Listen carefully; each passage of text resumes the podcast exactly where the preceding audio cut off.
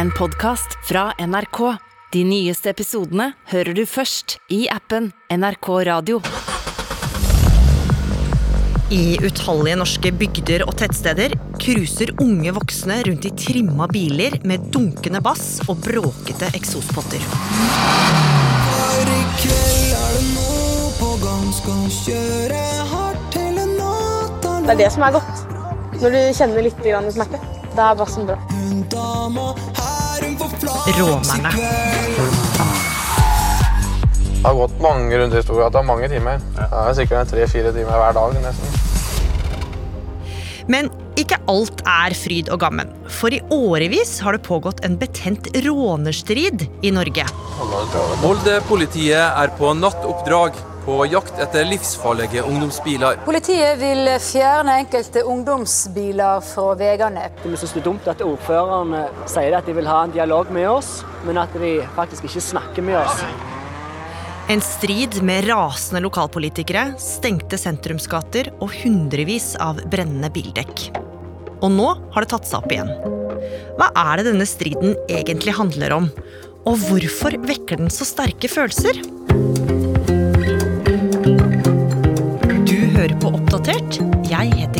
Baby.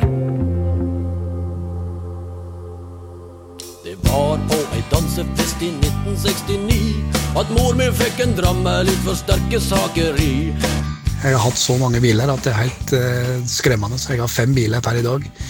Uh, men jeg kan fortelle deg at jeg har kjørt helt fra Volvo 240 til Mercedes 124 til den mest legendariske som Bø mest sannsynlig er kjent for nå, da, det er Laurel.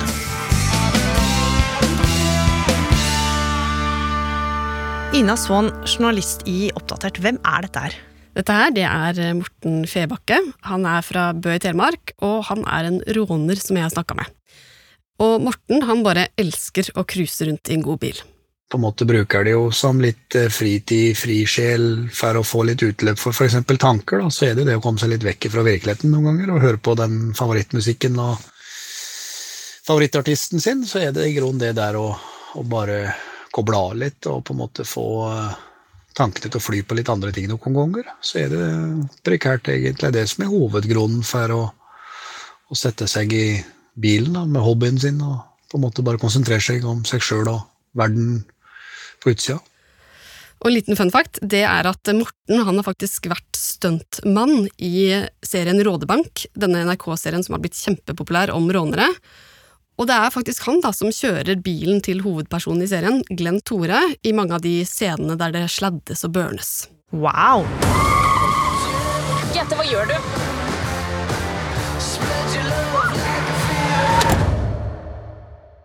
Så er det en som veit hva råning er, så er det Morten. Men Ina, jeg skjønner fortsatt ikke hva som er så gøy med å kjøre rundt i bil. Nei, og det er det nok eh, flere som eh, lurer på. Så jeg eh, spurte Morten, ja. I utgangspunktet så er det samholdet med at eh, alle har den felles interessen som er motor, da, eh, prekært. Og så er det det at en gjerne oftest liker å kjøre, da. Altså en eh, på en måte ikke nødvendigvis liker bare bilen, men en liker å kjøre og bruke den og vise den fram, da. I forhold til å kjøre opp og ned gata og ta seg en runde eller ti og ja, møte andre kjentfolk som har samme interessen, og sitte og prate om hva for prosjekter de har med bil, eller hva de har gjort i hverdagen sin, eller andre ting, eller hva de har gjort på jobb, eller ja, slike ting som det i utgangspunktet. Men eh, Ina, du også har jo litt egen erfaring med å kjøre en runde eller ti. Ja, jeg har hatt et par svippturer i rånebiler eh, opp igjennom. Så jeg hadde en liten, en ørliten karriere som eh, såkalt passasjerjente da jeg bodde i Skien. Men det var ikke, det var ikke derfor jeg ringte Morten, fordi jeg savna å sitte i passasjersetet. Nei, Hvorfor ringte du han da, Ina? Nei, jeg ringte han fordi det, altså det har vært kjempemye snakk om råning og rånere uh, i det siste.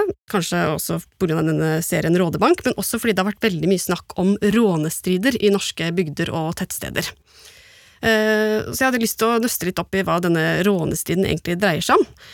Og fant ganske kjapt ut at eh, rånestriden den går langt tilbake i tid. Faktisk helt tilbake til eh, 60-tallet, da en eh, ny subkultur vokste seg fram i Norge.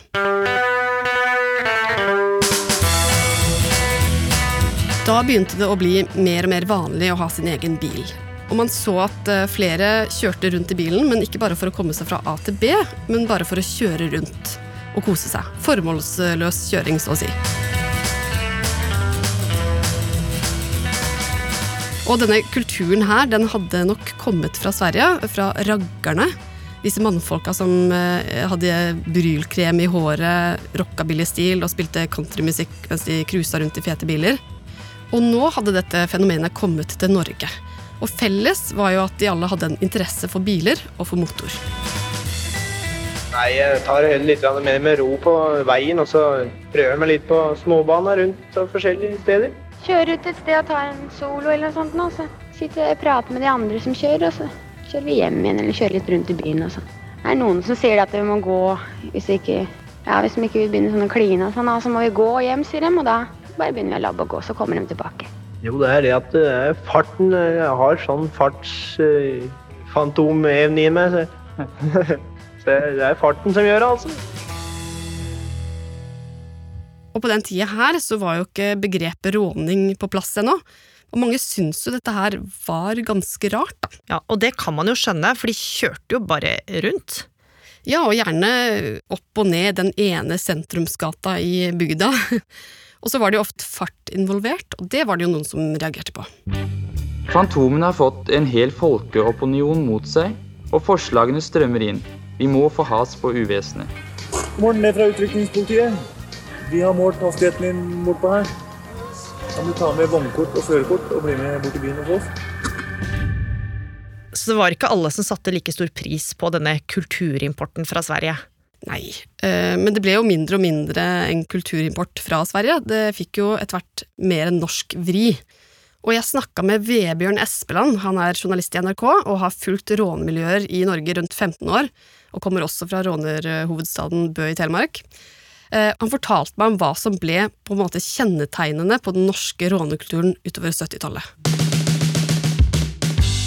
Da begynte det å bli litt sånn eh, norsk stil over det, med litt revehale i FM-antenna. Eh, bilene var gjerne granader eller Taunuser. Etter hvert kom Volvo 240 og 244. Um, det var, var, de her laksetrappene, disse svarte greiene som er bak på bakruta. Eh, du hadde terningene kom, spoilerne, og så utover 80-tallet kom Wunderbaumen, sota ruter, og etter hvert også da senka en bilene, sånn at de skulle subbe nesten ned i Så det er på en måte den estetiske utviklinga av det. Ja, Ina, det var jo snakk om en ganske spesiell stil. Ja, men uh, det var ikke bare den estetiske stilen som gjorde at rånerne skilte seg ut. For utover 80- og 90-tallet så begynte flere å reagere på måten rånerne kjørte på. Hvorfor det? Eh, nei, rånerne de fulgte jo ikke alltid trafikkreglene. Eh, de kjørte gjerne uten bilbelte. Den ble kalt for pysestroppen. Eh, mange putta en sånn femkroning ned i beltespenna på bilen for å unngå denne pipinga mm -hmm. som man får når man ikke har på seg bilbelte. Men hvis du faktisk var en pyse, da, eh, og faktisk brukte bilbelte, så skjulte du den rimelig godt, så ingen skulle si at du hadde den på deg. Eh, og så var det råkjøring, da, som var ganske vilt i tider, og som førte til at man fikk ordentlige gnisninger mellom rånerne og politiet, og også lokalbefolkning. Og Vebjørn han fortalte meg bl.a. om et spesielt eh, rånerfenomen som skapte mye bekymring. Eh, et fenomen som var utbredt i Bø da, som handla om å kjøre raskest mulig gjennom Midtbygdakrysset, som er midt i Bø sentrum. Eh, og da håpe at det ikke kom noen fra andre kanter. med russisk rulett med bil. Og det blei jo en del ulykker. Så var det i tillegg mye problem i sentrum med burning. Eh, og skal du burne ordentlig, så må du gjerne ha på litt olje. Så det var gjerne oljesøl i gata eh, i Bø, blant annet, på søndagsmorgenen. Og det, det så stygt ut mange plasser.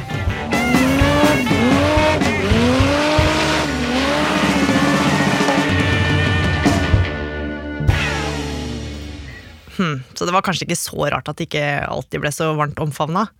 Nei, og det ble jo fort litt sånn katt og mus mellom politiet og rånerne. Eh, politiet fikk jo fort litt mer fokus på trafikksikkerhet. Eh, og det ble også bygd rundkjøringer i flere bygder for å slippe denne råkjøringa og denne russiske ruletten. Og så ble det flere politikontroller, rett og slett. Hmm. Men så dukka det jo også opp et nytt problem utover 70- og 80-tallet. Eh, for da begynte distriktshøyskolene å komme til bygda. Og det var mange studenter som flytta dit for å studere. Og det dukka opp studentbarer. Men problemet var bare at eh, på disse barene så fikk ikke lokalfolk alltid lov til å komme. Hmm, så rånerne var ikke velkomne? Nei. Og det var det jo mange som syntes var litt kjipt. Det kan man jo tenke seg. Når det først åpner et utested i en bygd, noe som ikke er så veldig vanlig, så får ikke lokalfolk lov til å komme. Det er jo litt urettferdig. Så det endte jo da ofte i noen slåsskamper her og der, forteller Vebjørn. I Bø så var det jo et uttrykk utover på slutten av 70-tallet å banke DH-pasienter. Ikke studenter, men distriktshøgskolepasienter. Og det var, det var liksom litt sånn jakt om en så uh, DH-pasientgrupper og yppete bråk. Og det er jo en konflikt som har vært i de fleste bygder som har hatt tilreising. Om det er militære eller om det er studenter, så har det alltid vært gnisninger. Men uh, disse rånerne de holdt seg jo i sentrum uh, i veldig stor grad. Og de var glad i fest, uh, og de var gjerne glad i slåssing òg. og da blei det veldig synlige trefninger, da. Hmm. Så rånerne kjempa i motvind mange steder? Eh, ja, men det var ikke bare motvind heller. Utover 80-tallet så hadde man jo fått et ganske etablert rånemiljø mange steder i Norge. De hadde ofte godt sammensveisa gjenger med en felles interesse for bil. Og mange kalte seg jo rånere med stolthet. Og etter hvert så skulle rånerne få et enda sterkere varemerke. Det skulle ikke lenger være noen tvil om hvem som kom kjørende ned sentrumsgata. Ah, et hedersmerke man kjenner i magen. Ja, bassen. 90-tallet så kom subbassen, og dette var jo selvfølgelig noe rånerne, som var veldig musikkglade, benytta seg av. De stappa inn disse massive Servin Vega-basskassene inn i bagasjerommene. Tok hele bagasjerommene på noen av bilene. Og lyden den ble jo betraktelig mye høyere. Men dette her, denne subbassen og høymusikken, den skulle jo eh, bli et problem, og skulle også bli eh, kjernen av rånestriden som nå pågår. For dette her blir jo irriterende for veldig mange andre. Kommunene og tettstedene de hadde da på dette tidspunktet jobba for å ta sentrumene i bygdene mer i bruk, og spesielt da få eldre og folk som hadde mobilitetsutfordringer til å flytte nærere sentrum. Men der likte jo rånerne også å være. Ja, og det kunne jo skape litt trøbbel, for rånerne elska jo å kjøre rundt med åpne vinduer og dele raust av eh, spillelista si. Ja, og eh, nå var det jo heller ikke bare i helgene, nå hadde det begynt å bli hverdagene også. Og ofte ganske seint, og flere og flere lokalfolk de følte seg plaga av rånerne og musikken de spilte. Ja, så det var jo mye de reagerte på med rånerne, både musikk, bråk og råkjøring. Ja, og rånere på sin side, de var jo også frustrerte. Eh, mange kjente nok på en følelse av at de ikke hadde et sted å være der de kunne holde på med sitt, altså spille høy musikk og børne, for eksempel. Og utover 2000-tallet så tok denne konflikten seg veldig opp i flere bygder i landet. Og i 2007, på Notodden, så smalt det. Dette skiltet med gågate kom på plass i går, og det satte en effektiv stopper for mer enn 40 års rånekjøring opp og ned. Da stengte Notodden kommune Storgata. Den skulle gjøres om til gågate, og all biltrafikken den skulle bort. Og dette likte jo ikke rånerne, for det her hadde jo vært rånegata deres i 50-60 år. Så det som skjedde, det var at både rånere og andre lokalfolk, altså begge sider av konflikten, møtte opp i sentrum og demonstrerte for hver sin sak. Har ikke ungdommen noe mer å gjøre enn å kjøre opp og ned Storgata? Da syns jeg synd på dem, altså. For eh, at du skal la, la altså gategjengene på herje, det kan ikke gå an i Norge. Da møtte folk som var imot råninga opp i sentrum, holdt skilt der det sto 'ut av gata', 'miljøsvin', 'vis hensyn' og også 'skaff deg en jobb'. Altså et ganske krast budskap til rånerne. Og på den andre sida så hadde man da rånerne. Du hører det godt når en rånebil kjører gjennom gatene.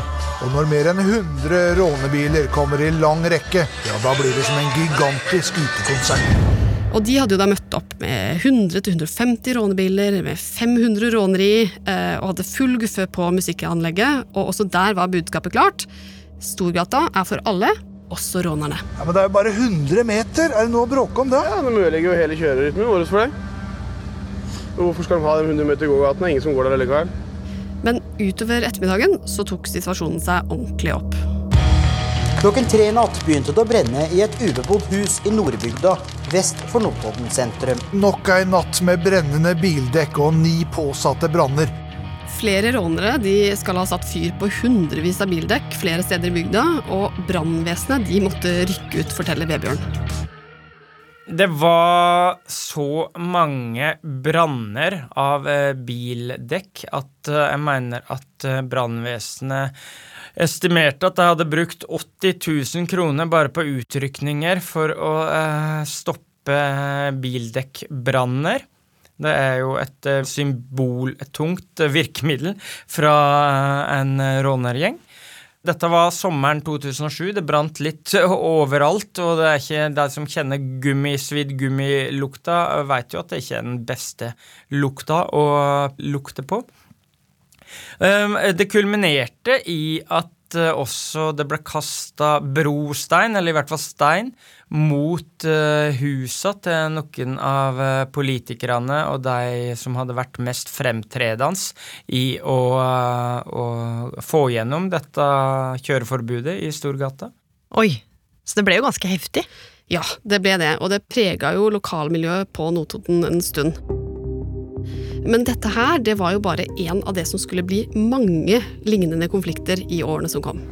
Det går fint for seg i Førde i dag.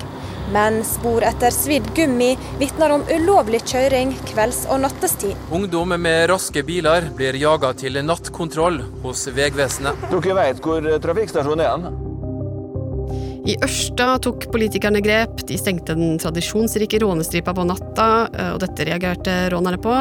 I Halden så eh, forsøkte politiet gjentatte ganger å stoppe plagsom råning i gatene på natta, og det samme skjedde på mange andre steder. Vi har en demonstrasjon på hva som skjer hvis de stenger Mesjavik og jager oss vekk egentlig derfra. Vi vil finne nye plasser å være, men det kan uheldigvis gå over til bebyggelser. Det vi vil ha, det er en plass der vi kan være, der vi kan kjøre på, det, på måter som eh, ikke er lovlig ellers i trafikken. Så flere steder så har det blitt konfrontasjon mellom rånerne og andre i bygda, og et tidvis anstrengt forhold. Og nå, Ina, har jo situasjonen på Notodden tatt seg opp igjen. Ja, det kan man trygt si. Striden om bråk fra rånerbiler i Storgata på Notodden fortsetter. Vedtaket i kommunestyret om at gata skal være åpen om natta, har ført til at både justisministeren og statsforvalteren blir engasjert. Der er det samme problemet, egentlig. Bråk og støy fra Notodden-rånerne irriterer eh, folk i bygda og holder dem våkne om natta. Ehm, politiet har flere ganger anmeldt rånere for ulovlig støy, men sakene de blir henlagt, og nå har kommunen rett og slett bedt eh, justisministeren om hjelp. Justisministeren? Ja, for det finnes ingen nasjonale retningslinjer for basslyd, og det er det kommunen nå ønsker seg fra justisministeren. Og det ønsker faktisk mange av rånerne seg også. Hm, hva er det rånerne sier, da? Vi vet jo ikke hva som er for høyt, eller hva som er bra nok. Det er det som er godt. Når du kjenner litt smerte. Da er bassen bra. Så hva er det rånerne egentlig ønsker? Det svarer Vebjørn ganske godt på det er jo at den vil ha en plass å være, da. Sånn som i Ørsta så er det ingen utesteder i det hele tatt.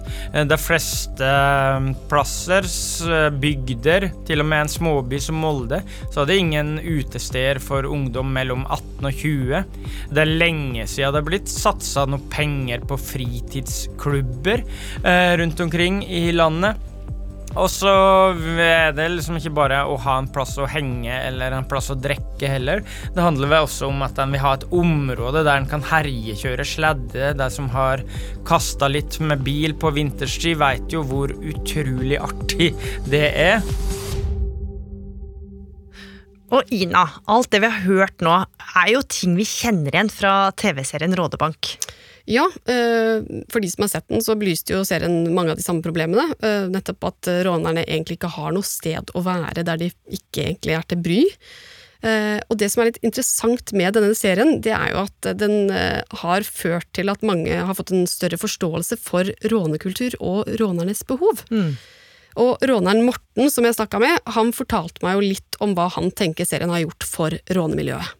Den har gjort uh, utrolig mye. For den har for det første skapt lys på ting som kanskje har vært mørkbelagt. Da. Som at det faktisk er et sammensveisa miljø, et uh, sinnssykt samhold, og uh, at det er så mye mer enn å bare gli opp og ned en gata. Men at folk er kamerater, venninner, og at de på en måte har uh, Altså, du blir elska uansett om du er høy, tynn, låg, kort, feit, svart, gul, grønn.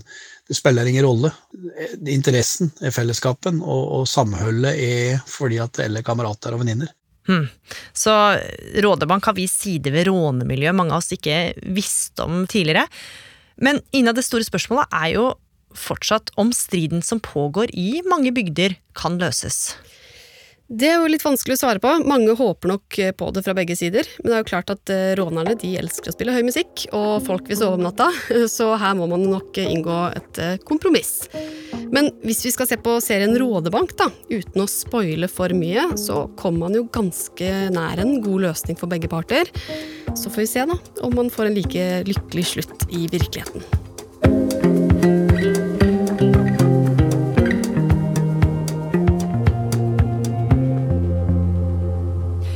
Oppdatert er en podkast fra NRK Nyheter. Og denne episoden er laga av Ina Swann. Pål Gauslo Sivertsen. Andreas Berge. Og meg, Gry Veiby. Programredaktør er Knut Magnus Berge. Har du spørsmål eller innspill, send oss gjerne en e-post på oppdatert krøllalfa nrk.no. Du har hørt en podkast fra NRK. De nyeste episodene hører du først i appen NRK Radio.